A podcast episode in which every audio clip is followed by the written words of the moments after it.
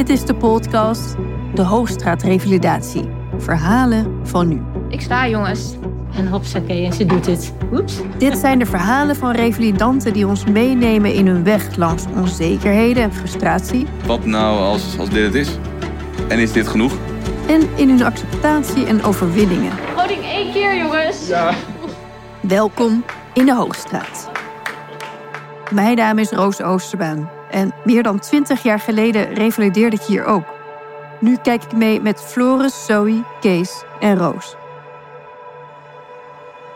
Zoe heeft de ziekte, het Guillain-Barré-syndroom, dat haar leven totaal omverblies, het hoofd geboden. Met groot succes. Eigenlijk moet ze nu vooral nog aan haar conditie werken en sterker worden, maar al haar spieren doen het weer. Het gaat zo goed dat ze ook in de weekenden naar huis gaat. En dan krijgt ze groot nieuws: een ontslagdatum. Over 2,5 week mag ze definitief naar huis. Ik wil haar feliciteren. Maar Oh, ik vind het wel heel eng om naar huis te gaan, eerlijk gezegd. Zoe vindt het helemaal niet zo goed nieuws. En ze blijft het maar herhalen. Ik vind het wel eh, heel spannend om naar huis te gaan, hoor. Want hier is het een soort van safe space waar ik gewoon ziek mag zijn. En gewoon eh, zit je met mensen die dat allemaal begrijpen. En thuis begrijpt niet iedereen dat. Ze maakt zich vooral zorgen hoe haar klasgenoten zullen reageren als ze haar weer zien. Want ik ben drie maanden niet op school geweest. Opeens kom ik lopend op school. Dat zouden ook wel vragen kunnen opleveren natuurlijk. Aangezien ik niet in rolstoel op school kom, maar gewoon lopend op school. Wat voor, wat voor vragen denk je dan? Nou, waarom is zij er drie maanden niet geweest als zij gewoon kan lopen? Denk je dat mensen je niet geloven? Bedoel je dat? Ja, misschien, ik weet wel hoe uh, tieners in elkaar zitten tegenwoordig. Dat dat heel snel zou kunnen van, oh, misschien heeft zij gewoon, wou ze gewoon niet naar school. En deed ze gewoon langer alsof. Die angst voor sociale situaties met leeftijdsgenoten, opkomen voor zichzelf, het was voor haar ziekte een struikelblok. Maar ze had het hier wat van zich af weten te schudden. Maar sinds die ontslagdatum is het weer terug. Helemaal nu ze ook weet dat ze maandag voor een paar uur teruggaat naar school. Het is allemaal veel en eng. Toch staat ze er niet alleen voor. We gaan zo praten met uh, Carolijn. Dat is mijn EVV'er, dus mijn mentor. EVV'er? Ja, Waar staat het voor? eerst... eh, Misschien kan ik iets verzinnen. Kijk, daar is Caroline. Hallo. Oh, maar waar staat EVV nou voor? EVV staat voor eerst verantwoordelijk verpleegkundige. Eigenlijk heb je dan een overkoepelende, meer mentorrol. Een paar keer per week hebben Caroline en Zoe hier even een gesprek. In het kamertje naast de woonkamer. Die met de knuffels en de poppenhuizen. En heb je, heb je al een beetje bedacht van hoe je dat wil gaan doen met school? Eh, hoe laat je dat wil gaan doen? Wat voor programma je wil volgen op school? Ja, ik heb wel opgelet, zeg maar.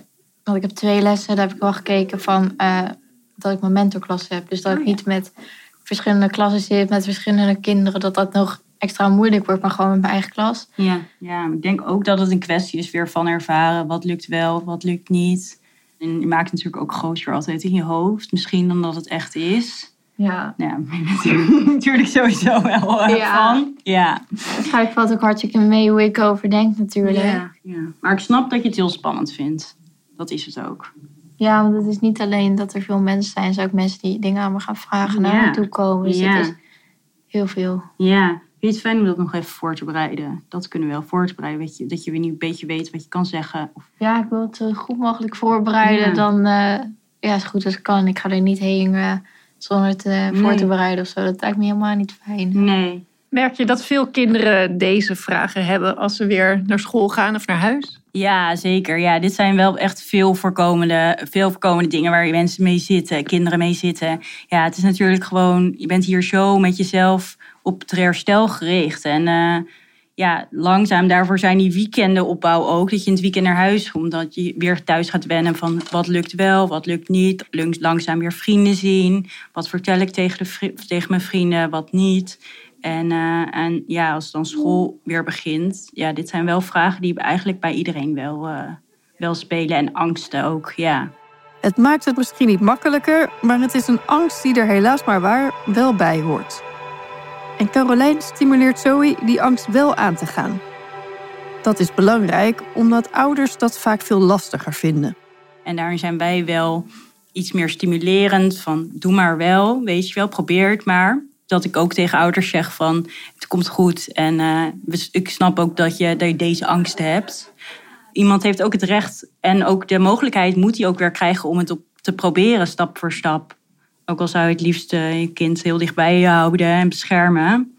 In de angst dat er niks meer gebeurt. Maar uh, het is juist ook goed om een beetje te ervaren. En dan is soms ook nodig dat dat een stap achteruit is. Zoe moet het weer zelf gaan doen. Zelf gaan ervaren. Nu nog met hulp van Carolijn. En dat helpt, zegt Zoe. Ja, ik vind het toch altijd wel even uh, fijn. Uh, ja. ja. dat scheelt toch wel weer. En dat stelt me ook wel gerust. Uh, als ik niemand had om mee te praten, of mijn ouders dan bijvoorbeeld, dan is het toch wel even wat anders. En ik denk ook dat je veel hebt hier aan, aan leeftijdsgenoten en andere revalidanten waar je veel steun uit kan halen. Ja, ik. klopt. Ik heb ook vooral met Lieke, want die heeft natuurlijk ook een beetje... Ja, die vindt het ook spannend om naar huis te gaan bijvoorbeeld. En ik kan heel goed met haar het over hebben en we kunnen elkaar wel begrijpen en zo. Lieke is Zoe's kamergenoot, die we in de vorige aflevering ook hoorden. Het is gewoon dat het hier wat soepeler...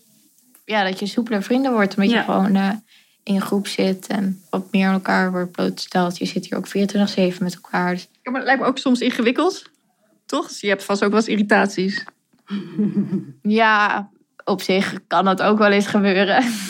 maar uh, als Liek echt vreselijk irritant aan het doen is en dan ben ik echt moe, dan zeg ik ook gewoon Liek, hou gewoon op.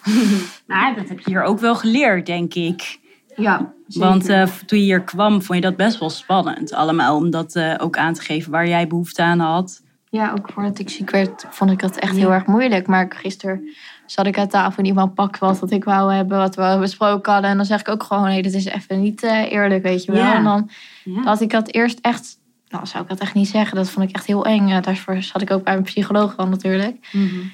En nu merk ik dat het gewoon makkelijker gaat, ook thuis. Fijn, ja, fijn. Mentaal is het gewoon heel erg goed eigenlijk. Ja, en ook om hulp vragen heb je hier ook heel erg geleerd. Dat uh, was natuurlijk ook echt best wel moeilijk op het begin dat je er kwam. En toen, ja, toen moest je wel, toen je op bed lag.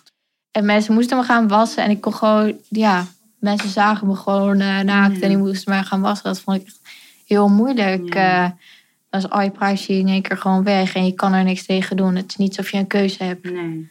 En als je 16 of 15 bent, dat is natuurlijk echt het laatste wat je wil. Ja, nou, daar had ik echt niet op gehoopt of op gerekend. Dus ik vond het heel lastig. Maar op een gegeven moment went dat ook wel weer. Als ik dan onder de douche stond en een van jullie ging, moest me helpen. Op een gegeven moment had ik niet eens door dat, uh, dat ik naak was. Ik voer gewoon een gesprek. Dan heb je natuurlijk elke keer als er iemand hier nieuw binnenkomt, juist een beetje in die puberleeftijd. Ja. Ja, ja dat, dat is ook wel iets waar we extra rekening mee houden. Misschien wel meer dan bij volwassenen. Je houdt natuurlijk sowieso veel rekening met privacy. Laat staan als je zo nog gewoon helemaal in ontdekking van jezelf bent en je lichaam is aan het veranderen en zo. En ja, geen één, kind, geen één puber wil dit. Uh... En hoe, doe, oh ja, hoe, hoe doe je, kan je daar dan voorzichtig mee omgaan? Nou, meer in gesprek van vind je het oké okay, als ik dit doe? Wil je het zelf doen? Wat vind je fijn? Ook extra alert zijn op even nu niet binnenkomen, uh, gordijnen dicht, een handdoek extra erop leggen met douchen of...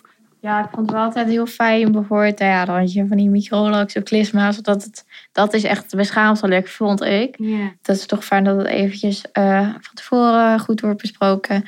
Maar het was ook niet dat één iemand mij constant hielp. Ik heb twee ziekenhuizen gelegen en ik ben hier geweest. Dus het zijn echt wel als ik optel, een stuk of 50 mensen die mij dan hebben moeten helpen. En uh, mij hebben moeten helpen met douchen, met plassen. Ja.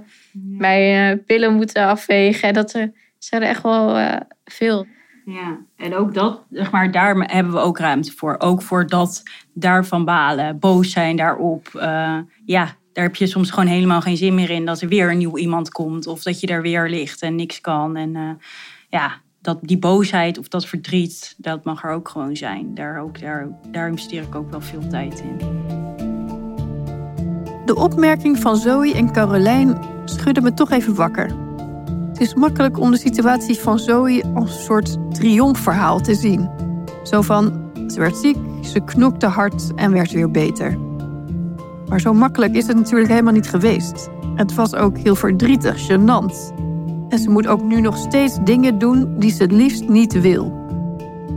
Ze had het vast liever op een andere manier bereikt, maar hoe bizar dat dan soms gaat in het leven, het heeft haar toch ook sterker gemaakt. Maar we moeten door. Of Zoe natuurlijk. Die moet naar school. En dan bedoel ik dus niet de school waar ze zo tegenop ziet, maar de school hier in de Hoogstraat. Het Leerplein heet dat. Hallo. Oh, nou, zo, je mag lekker even bij mij komen. is denk ik handig, hè? Want dan gaan we gewoon eh, het overzicht... Vandaag staat juf Lidie voor de klas, die zich liever mentor noemt. Heb jij je ontslagdatum heb je de 26e, toch? Klopt. hey, wat we nu even doen, is al die vakken langslopen. Want dat geeft jou ook overzicht, hè? Als ik straks weer terug op school Zoe ben. gaat over van 4 naar 5 VWO. En ze durft het eigenlijk bijna niet te geloven. Ze vraagt zich af of ze in al die maanden afscheid wel genoeg heeft gedaan. Dus over ga je. Alleen het is meer, denk ik, in jouw hoofd dat je... En zo ben jij, en dat is je kracht. Dat je graag alles goed wil doen. Ja. en helemaal bij wil zijn. En door deze hele revalidatie is dat onmogelijk. Dus hebben we gezegd, richten we ons op een paar vakken. Dat heb je ook gezegd, dat is goed. Maar je merkt, het gaat steeds beter met jou. En dan wil je ook steeds meer. Maar dat houdt nog niet in dat je dan opeens weer helemaal bij zou kunnen zijn met de rest van je klas. Dat is onmogelijk. Nee, dat gaat, gewoon- dat gaat niet lukken. Nee, dat weet ik eh, ook eh, wel. Ja, dus is Naast Zoe zijn hier nog vier kinderen die in de klas rustig zitten te werken aan opdrachten die ze van hun eigen school hebben gekregen. Ze zijn hier tussen hun therapieën door en Liede helpt ze dan waar kan en is een soort intermediair tussen de leerlingen en hun school. Dat het Zoe lukt om straks over te gaan is uitzonderlijk. Is voor verreweg de meeste kinderen hier niet weggelegd. En ik denk ook dat maar realistisch daar natuurlijk in moeten zijn. Want als je maanden uitval hebt gehad en soms ook al maanden niet meer op school bent geweest, dan denk ik, ja, wat doe je dan jezelf aan als je door zou willen gaan? Dus hoe fijn is het als je hier weer een beetje kan opbouwen? Wellicht al wat vakken kan afronden, zodat je dat volgend jaar niet meer hoeft te doen. Dan, is dat veel, dan brengt dat veel meer verlichting dan dat je maar doorjakkert en je eigenlijk zoveel gemist hebt. Maar in Zoe's geval was al heel snel duidelijk het eerste gesprek aan jouw bed merkte, weet ik al. Dat, eh, dat ik merkte, oh, dit is een heel ijverig meisje. Die niks liever wil dan gelijk aan de slag. Terwijl je daar nog helemaal niet toe in staat was op dat moment. Qua concentratie. Bij Zoe is het juist dat ik eraf moest remmen. Dus ik vind dat wel uitzonderlijk. Dat, het, dat dit lukt, ja. Zo is dus enorm gemotiveerd. Ik kan me voorstellen dat het niet per se voor iedereen Nee. is. Helemaal omdat ze ook wel andere dingen misschien aan hun hoofd hebben. Ja, en ook vaak met, inderdaad met goede redenen waarom de motivatie ver is weggezakt.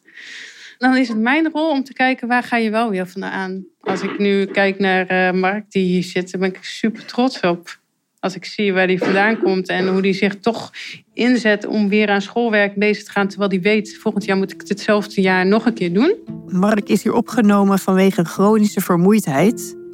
En vertelt nu ook zelf dat hij het schooljaar straks nog een keer opnieuw gaat doen, omdat hij er te lang uit is geweest. Ja, ik ben eh, een half jaar tot een jaar eerst bijna niet naar school en toen gewoon helemaal niet naar school geweest. Ja. Dus eh, gewoon door vermoeidheidsklachten en eh, alles erop en eraan. Omdat op een gegeven moment heel school hem tegen ging staan, ook door die vertraging, was hij het liefst van de HAVO een niveau gezakt naar het VMBO, om zo sneller van school af te zijn, was het idee. Toch besloot hij anders. Uiteindelijk heeft zij me overgehaald om, Jouw mentor. mijn mentor, overgehaald om eh, toch maar gewoon ervoor te gaan. Wat ik persoonlijk nu ook wel vind dat dat de beste keuze is. En hoe heeft ze jou gemotiveerd? Eh, we zijn gekeken, gaan kijken naar de universiteiten en andere scholen. Eh, toen kwam ik erachter dat als ik één niveautje lager ga, dat er eigenlijk heel weinig keuze is. Voor de rest nog, nog zat hoor, maar gewoon veel minder. En ik wil zelf in de bedrijfskunde gaan. Als ik HAVO doe, is er gewoon veel meer mogelijk. En het scheelt maar één jaartje uiteindelijk. Dus ja, dat is allemaal uitgelegd. Dus dat is eh, top. De therapeuten die kijken niet naar school en alles. Terwijl dat voor mij persoonlijk het grootste probleem was met eh, hoe dat nou af ging lopen. En waar ik ook heel erg mee zat. Maar dat heeft hier heel erg geholpen, dus daar ben ik heel erg dankbaar voor. Dat Mark dit zo zegt, raakt Lidie, zegt ze als de microfoon uitstaat. Je zou kunnen zeggen dat Lidie Mark heeft geholpen om weer ergens naar uit te kunnen kijken. Om weer een doel te hebben. Iets dat ook heel belangrijk is in zijn revalidatie. Gisteren is Mark voor het eerst weer naar zijn eigen school gegaan. En dan vertelt ze dat Mark gisteren nog voor het eerst in maanden weer naar zijn eigen school is gegaan. Oh, en? Ja, ja dat eh, was heel leuk. Mijn schoolvrienden heb ik al heel lang niet meer gezien. Dus daar ben ik heel blij mee. Dat was leuk om ze weer allemaal te zien. Mijn leraren ook, dus dat was gezellig. Vond je het spannend? Ehm, eerst niet, maar toen ik naar school aan het fietsen was en ik was bijna bij school, toen begon ik wel even eh, spanning in te kicken van hé, hey, wacht, ik ga toch wel weer naar school na een hele lange periode. Heel veel spanning gehad, maar daarna niet meer. Zo, hoe vind jij dat om te horen? Want jij gaat maandag. Ja, ik vind het ook wel spannend, maar eh, om dat te horen, dat eh, ja, is toch wel weer fijn. Want dan weet ik dat het gewoon bij Mark in ieder geval goed is gekomen. Dus vast van mij ook wel. Je zit dan een beetje in dezelfde fase wat dat betreft. Ja, maar weet je wat ik, wat ik wel mooi vind? Hè? Zeker omdat het nu... eh, Lidie zegt dan iets dat we eerder ook hoorden van zoiets mentor Carolijn. Ze hebben echt wel veel steun aan elkaar. Je moet je ook beseffen dat sommige jongeren die hebben, die zijn een beetje geïsoleerd geraakt. En die eh, krijgen hier opeens weer bouwen je vriendschappen op en veel meer begrip. eh, die ze van leeftijdsgenoten eigenlijk niet meer hebben gehad. Heel veel jongeren die hier nu komen, en zeker na de revalidatie, zeg ik ook van besef je wel dat je ook jezelf al zoveel beter kent, hè? Ehm, dan heel veel klasgenoten die je nu zou treffen. Maar ik denk, eh, wat ik hier zie, ik, ik heb hier vriendschappen gezien die ontstaan. En ik weet zeker, die meiden en die jongens, die blijven hun hele leven volgens mij contact houden met elkaar. Nu ik hier weer een poosje rondloop, betrap ik me erop dat ik wel denk te weten wat iemand mankeert. Dwarslesie, amputatie, hersenbloeding. Het komt met uiterlijke kenmerken. Maar toen ik Roos voor het eerst hier zag, dacht ik dat zij een van de therapeuten was. Ik kan niet zien dat ze een handicap heeft en ook niet dat ze daardoor totaal is vastgelopen in haar leven. Even kijken naar de tafel en je stoel. Ja. Wat is de juiste positie? Roos is hier voor polyklinische behandeling en is dus niet opgenomen, maar komt twee dagen per week naar de Hoogstraat. Vandaag staat creatieve therapie op het programma met beeldend therapeut Leonie. Roos doet een oefening waarbij ze in klei een vorm tekent met beide handen. Dus dan is ook voor vandaag de vraag: welke vorm past bij van vandaag? Hier in het boek laat je de vormen zien, hè? Mhm. Ja. De aardelijn, dus dat is een horizontale lijn. Eh, de staande lemniscaat, spiraal, de cirkel, de boog.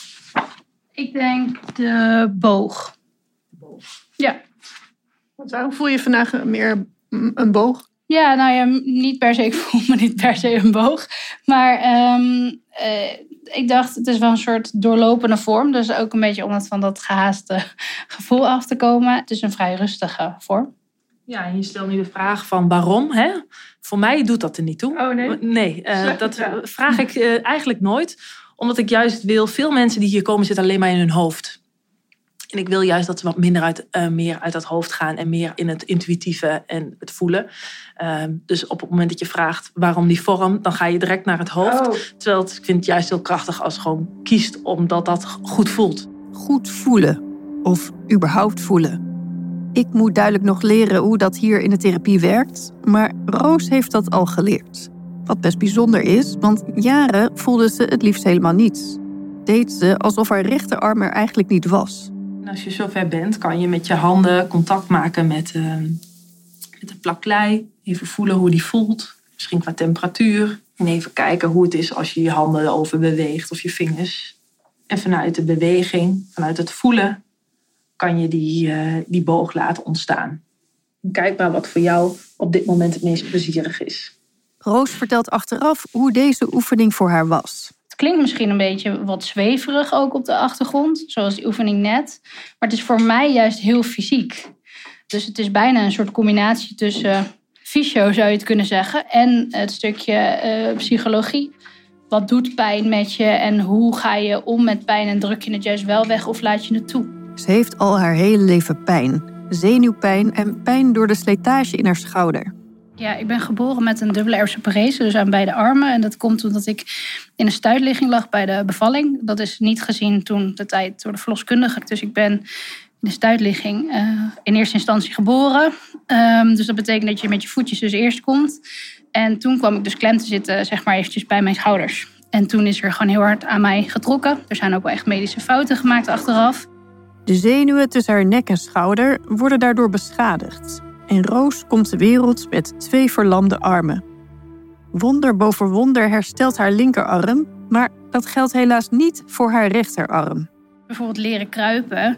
dat, dat doe je als kindje om een goede kop en een kom in je schouder te ontwikkelen. En ik heb dus niet kunnen kruipen met rechts, dus wel met links. Maar als je maar met één arm gaat kruipen, dan ga je als baby dus niet kruipen. Waardoor ik dus nooit een kop en een kom heb ontwikkeld in mijn schouder. Dus naast het feit dat de uh, gevoel, uh, gevoelszenuwen het niet deden en de spieren dus niet goed genoeg aangestuurd werden, heb ik ook dus geen gezonde schouderkop en kom ontwikkeld. En dat betekent dan operatie naar operatie en een eindeloze hoeveelheid fysiotherapie gedurende haar hele jeugd. En dat is dus uiteindelijk door al die operaties en door al die fysio en trainingen hmm. ook wel redelijk gelukt. Want je zegt al, als ik aankom lopen, zie je niet per se dat er iets met me aan de hand is.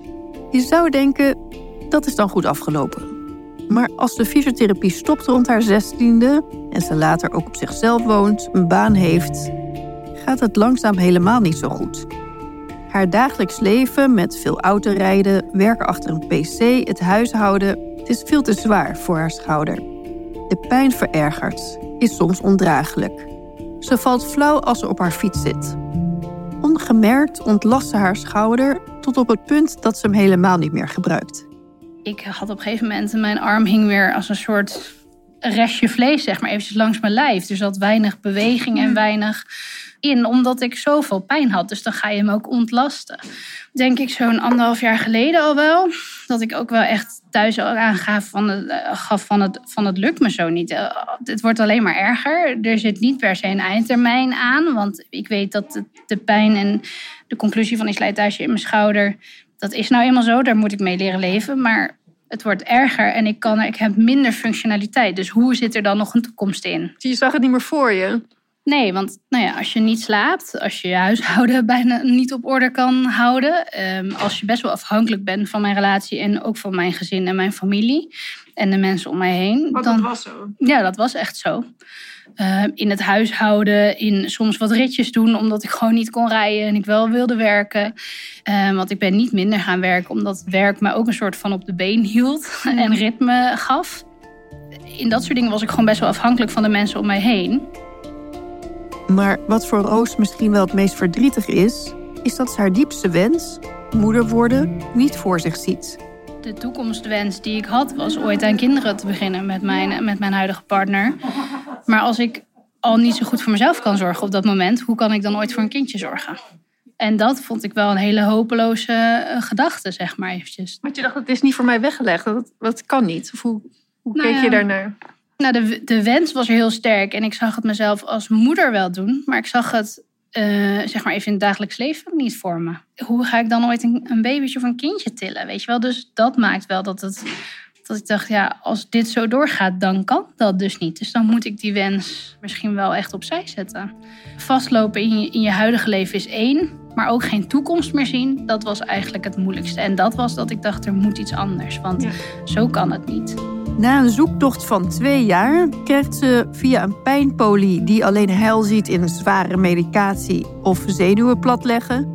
En het medische team dat haar als kind behandelde een verwijzing naar de Hoogstraat. Dat verbaasde me heel erg, want ik heb daar nooit over nagedacht. Wat ik dacht is dat je naar een revalidatiecentrum gaat als je iets overkomt.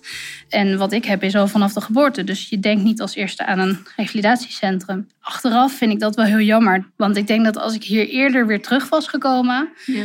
Uh, dat het ook wel dat hele hopeloze... dat dat wel voorkomen had kunnen worden. En dat ik in een minder ver stadium... Uh, dus de pijnklachten waren niet minder ver geweest. Dat staat hier even los van. Maar wel in hoe je in leven staat en hoe je uh, nou ja, je dagen doorkomt. Dat had wel voorkomen kunnen worden. Roos traint hier zowel haar lichaam als geest. Ze gaat naar de psycholoog, de fysio- en ergotherapie, naar het zwembad en dus ook naar therapie die daartussen zit, zoals creatieve therapie. Beeldend therapeut Leonie vertelt waarom dat zo belangrijk kan zijn. De revalidatie is natuurlijk heel erg gericht op het fysieke. Maar we zijn meer dan alleen ons lijf. Ze zeggen wel eens van het moet in balans zijn. Het sociale deel, het mentale deel en het fysieke deel. En het heeft allemaal invloed op elkaar. Dus als je je mentaal beter voelt, dan heeft het ook invloed op je, op je fysieke lichaam. Dus zo ik dat in balans. En daarom is het heel belangrijk dat daar ook uh, aandacht voor is. Komen ook mensen die, waarbij een laag zelfvertrouwen is, waardoor dat je hier in het, in het beeldend werken ook zelfvertrouwen opbouwt. Of uh, waarbij uh, mensen juist heel erg perfectionistisch zijn. En wat de klachten in stand houdt. Dus waarbij je het perfectionisme wat wil minderen, zodat daar een betere balans ontstaat. Uh, mensen worstelen natuurlijk ook met verlies en acceptatie. Dat zijn ook onderwerpen voor de beeldende therapie. Ja, sommige mensen zijn praters en die uh, willen graag vertellen over wat hun bezighoudt. Ja, en ervaren is een hele andere manier om dingen te verwerken en op een rijtje te zetten. Dat ervaren heeft Roos ook moeten leren. De psycholoog heeft vrij snel gezegd, waar ik dacht dus die psycholoog echt wel hard nodig te gaan hebben, heeft de psycholoog vrij snel gezegd ga maar aan de slag met de rest van de therapieën. Want je zit al zo erg in je hoofd. En je bent al zo bezig met, um, nou ja, hoe, kan, hoe kan ik dingen anders doen? Hoe kan ik uh, pijn ontlasten? Hoe kan ik, uh, nou ja, ik heb gewoon heel erg lang, ik liep op een gegeven moment ook tegen deurposten aan en zo, omdat ik zo in mijn hoofd mijn schouder helemaal af heb geschermd, zeg maar. Dus ik heb alsof zo alsof die er gewoon niet was. Want dat was voor mij de enige manier om om te gaan met de pijn die ik had. Um, dus ze zei: ga maar ervaren, want dat moet weer eigenlijk terugkomen. Dus je moet weer gaan voelen, in je lijf gaan voelen. Je moet de pijn weer toelaten. Je moet die schouder weer toelaten om daar ook vervolgens weer mee aan het werk te gaan. Daar was ik ook best wel boos om in het begin dat de psycholoog dat zei. Want ik dacht, ja, dat is juist niet wat ik wil. Want ik wil die pijn helemaal niet toelaten. En dat kan dus wel. Als je dat toelaat, kan dat zeker. Ja. En dat is een drempel waar ik overheen moest. En wat ik spannend vond. Maar dat kan zeker. Ja, en daar hebben die therapieën echt aan bijgedragen. Terug naar de creatieve therapie. Waarbij Roos met haar ogen dicht nu een boog in de klei maakt. Er zijn verschillende woorden waar je aan kan denken als je de boog aan het maken bent. En dat zijn onder andere vrijheid, rustgevend, beperking. De beweging maakt ze met beide handen, dus ook met rechts. Iets dat tot een paar maanden geleden echt ondenkbaar was. Begrenzing. Therapeut Leonie vraagt hoe ze de oefening heeft ervaren. Er kwamen nog andere gedachten op tijdens het maken van de beweging.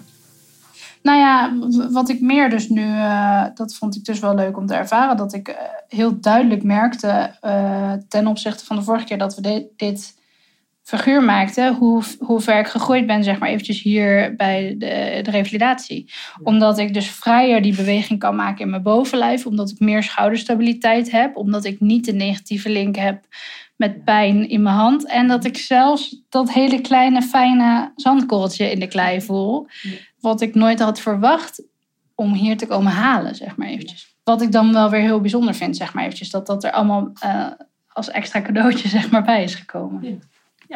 Nu Roos zich volledig gestort heeft op haar revalidatie, ziet ze in waar het eerder nou is misgegaan. Ik dacht, omdat ik dit al vanaf mijn geboorte heb, dat ik het eigenlijk al best wel had geaccepteerd. En dat acceptatie betekent dat het er is en dat ik prima uh, verder kan leven.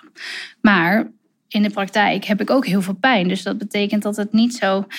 Het is niet zo'n rechtlijnig proces, zeg maar. Het hoeft, je hoeft, een acceptatie betekent niet, ik heb het nu geaccepteerd, nu is het klaar. Maar het betekent dat je je hele leven met een soort golven, het zal meer aanwezig zijn en het zal wat meer op de achtergrond zijn. En ja. dat uh, was een heel belangrijk inzicht voor mij. Net zo goed als uh, dat als je continu over je eigen grenzen heen gaat, iedere dag vanuit nog minder energie start. Terwijl voor mij over al die grenzen gaan was een manier om te dealen met de pijn. Terwijl eigenlijk maakte ik het daardoor misschien alleen maar erger. Ook bij de andere therapieën heeft Roos geleerd om vooraf in te schatten welke bewegingen pijn zullen opleveren. En daar dan ook rekening mee te houden. Dat zelfs te plannen. Dus het overviel me niet meer zo, omdat ik wist van deze activiteit krijg ik meer pijn. Dus als ik hem nou op dit moment inplan, dan kan ik vanavond even rustig aandoen en dan ben ik er morgen weer bijvoorbeeld. Ga ik op tijd naar bed en ben ik er morgen weer. Eigenlijk is de oplossing redelijk eenvoudig. Die had je niet zonder deze therapieën kunnen bedenken. Als je denkt dat je alles al geaccepteerd hebt, het feit dat ik me er nu bewuster van ben dat ik misschien het helemaal niet zo had geaccepteerd. En dat ik wel continu echt mijn grenzen overging. Als ik me daar niet bewust van was, dan had ik dat ook niet kunnen aanpassen. Kijk, de pijn is niet veranderd. Dat is het bizarre. In die vier maanden is de pijn niet anders. Maar mijn functionaliteit, mijn schouderstabiliteit is verbeterd. Dus ik nou ja, zit anders, ik beweeg anders, ik deel mijn weken anders in. En al dat soort aanpassingen, die inderdaad relatief klein zijn, maken wel dat je gewoon weer kunt leven, eigenlijk. Zo. Roos heeft het gevoel dat ze weer kan leven. Of ze nu ook anders aankijkt tegen haar kinderwens, want dat was toch een belangrijk onderdeel waarop ze vastliep, hoor je in de volgende aflevering. We horen ook hoe het Zoe vergaan is op school en nadert het onvermijdelijk afscheid van de Hoogstraat en haar kamergenoot. Niet meer je roomie. Nee. Oh, ik ga je echt missen. Jou ook. Dat en meer in de volgende aflevering van de podcast De Hoogstraat Revalidatie. Verhalen van nu.